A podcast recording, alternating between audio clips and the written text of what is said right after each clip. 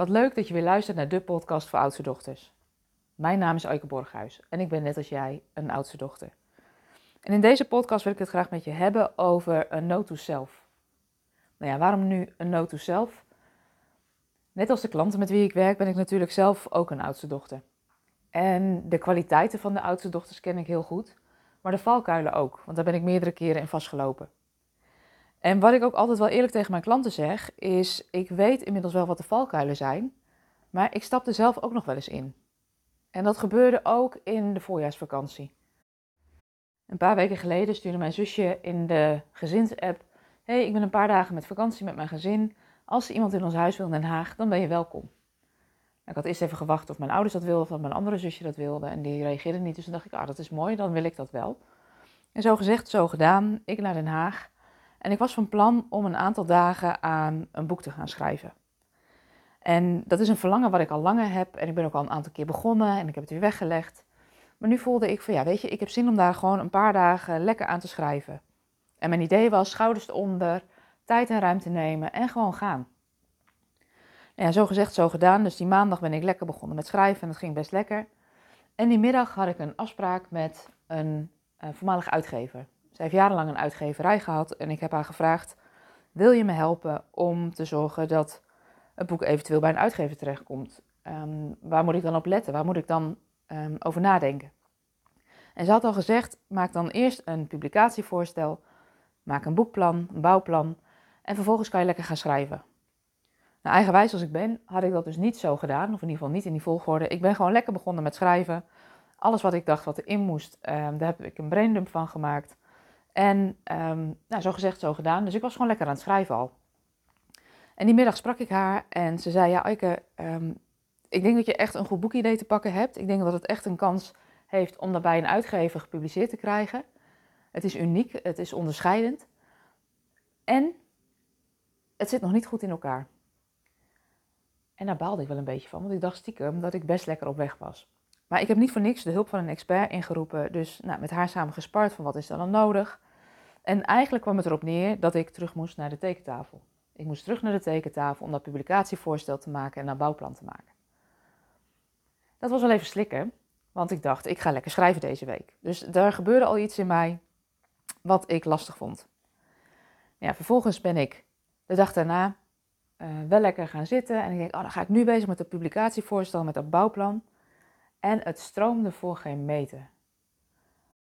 Nu is dat ook niet zo heel gek, want ik had me ingesteld op meters maken, op uh, uh, lekker schrijven.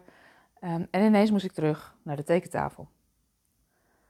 En dat schakelen, dat wilde ik wel, maar het lukte me niet. Dus ik heb die dag eigenlijk bijna de hele dag zitten worstelen achter die laptop om aan dat publicatievoorstel te schrijven. Um, totdat ik het in de hoek heb gesmeten en dacht, oh ja hoor, daar ga ik weer.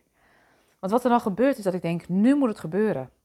En als het dan niet gebeurt, dan ga ik pushen. Dan ga ik lopen doordouwen. Dan ga ik uh, alles op alles zetten om het wel voor elkaar te krijgen. En zo werkt het niet.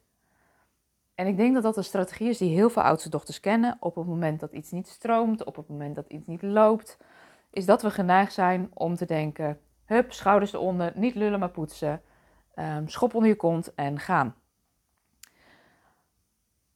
Dat is een strategie die je ook best veel brengt. Want daardoor krijg je ook dingen voor elkaar. Daardoor uh, worden resultaten ook bereikt. Daardoor worden dingen ook uiteindelijk wel afgemaakt. En belandt niet alles in ja, een mapje op de computer waar vervolgens niks meer mee gebeurt.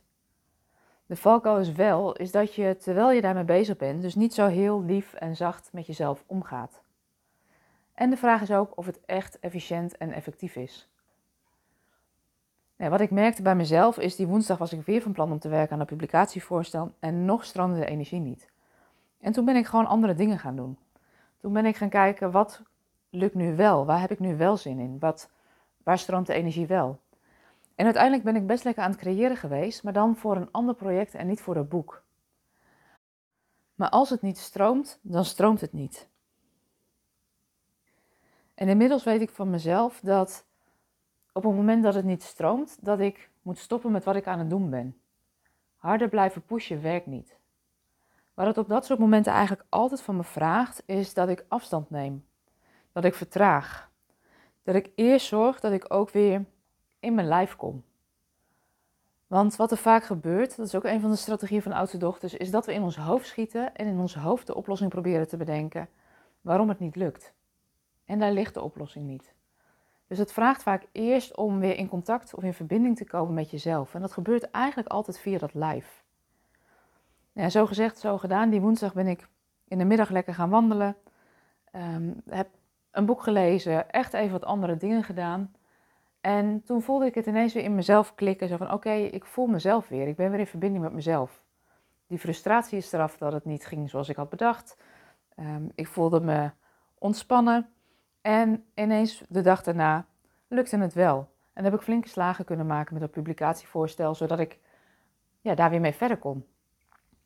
En dat is eigenlijk ook uh, de, ja, de bewustwording die ik voor mezelf weer had en die ik jou ook mee wil geven. Als je merkt dat het niet stroomt, vertraag.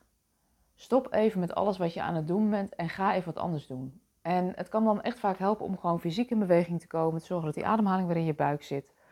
En je zult merken dat als je daarna je klus weer oppakt, dat je het uiteindelijk met veel minder moeite wel gerealiseerd krijgt.